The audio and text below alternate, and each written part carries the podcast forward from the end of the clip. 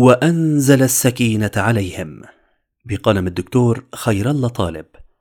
الورقة الأخيرة في العدد الثاني والعشرين من مجلة رواء صفر عام 1445 هجرية أيلول سبتمبر 2023 للميلاد. خرج النبي صلى الله عليه وسلم بأصحابه رضي الله عنهم معتمرين فصدهم المشركون عن البيت ثم صالحوهم على شروط مجحفة بالمسلمين في ظاهرها. فأصابت المسلمين منها صدمة أقعدتهم عن المبادرة بالتحلل من إحرامهم.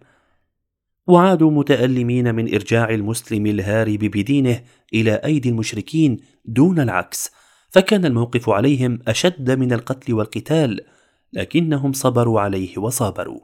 ومع حزنهم وفي طريق عودتهم ينزل عليهم انا فتحنا لك فتحا مبينا ليغفر لك الله ما تقدم من ذنبك وما تأخر ويتم نعمته عليك ويهديك صراطا مستقيما وينصرك الله نصرا عزيزا. بشارة بالنصر الذي يبدأ بثبات القلوب. هو الذي أنزل السكينة في قلوب المؤمنين ليزدادوا إيمانا مع إيمانهم ولله جنود السماوات والأرض.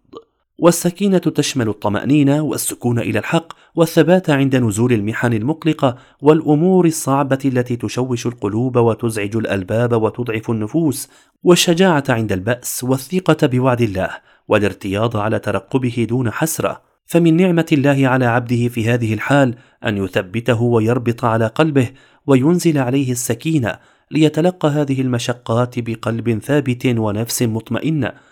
فيستعد بذلك لإقامة أمر الله في هذه الحال فيزداد بذلك إيمانه ويتم إيقانه. فالصحابة رضي الله عنهم لما جرى ما جرى بين رسول الله صلى الله عليه وسلم والمشركين من تلك الشروط التي ظاهرها أنها غضاضة عليهم وحط من أقدارهم وتلك لا تكاد تصبر عليها النفوس. فلما صبروا عليها ووطنوا أنفسهم لها ازدادوا بذلك إيمانا مع إيمانهم. ولله جنود السماوات والأرض. فتقتضي حكمته المداولة بين الناس في الأيام وتأخير نصر المؤمنين إلى وقت آخر. تتوالى البشارات في السورة. لقد رضي الله عن المؤمنين إذ يبايعونك تحت الشجرة فعلم ما في قلوبهم فأنزل السكينة عليهم وأثابهم فتحا قريبا ومغانم كثيرة يأخذونها. رضي الله عن المؤمنين المبايعين ثم المطاوعين فعلم ما في قلوبهم من الصدق والوفاء والسمع والطاعة. جاهدوا أنفسهم على أمر الله ورسوله مرتين فأنزل السكينة عليهم فصاروا أهلا للفتح. فجعل الله صلح الحديبية أعظم الفتوح كما قال الزهري. وصارت الشروط المزعجة سببا لفتح مكة وفتح لهم قبلها خيبر ثم فتح لهم الأرض. فتحوا قلوبهم للنور فصاروا أهلا لفتح الأرض بالنور. ومنع من يحجب الناس عن النور بالقوة. وبعض شعوب المسلمين اليوم قامت للجهاد فانكسرت شوكتها الأولى فنحن اليوم نختبر بالمرابطة على الإعداد وملازمة ثغور المسؤوليات الذاتية واستمرار المجاهدة في الواجبات الجماعية والعزيمة على استبانة أمر الله في كل مسألة والتزام إرشاد الوحي في كل نازلة في شؤون الفرد والأسرة والتربية والتعليم والاقتصاد والإعلام والسياسة والفتوى والعلاقات والقتال والسلم بعيدا عن شذوذات المسائل وسقطات العلم والتواءات الثقافة.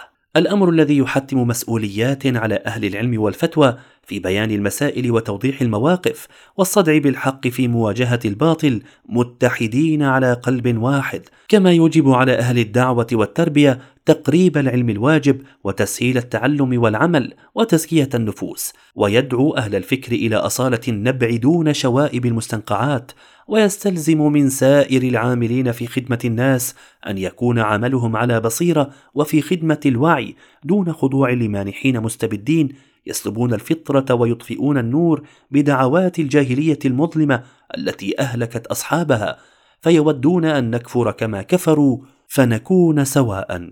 حينما تسكن نفوسنا لأوامر الله مالك الأرض وما عليها فلا نجد فيها حرجا ونسلم تسليما. حينها تتنزل السكينة في القلوب ويغشاها ما غشي المسلمين قبيل بدر وأيد الله عباده بجند من السماء وكان النصر المبين.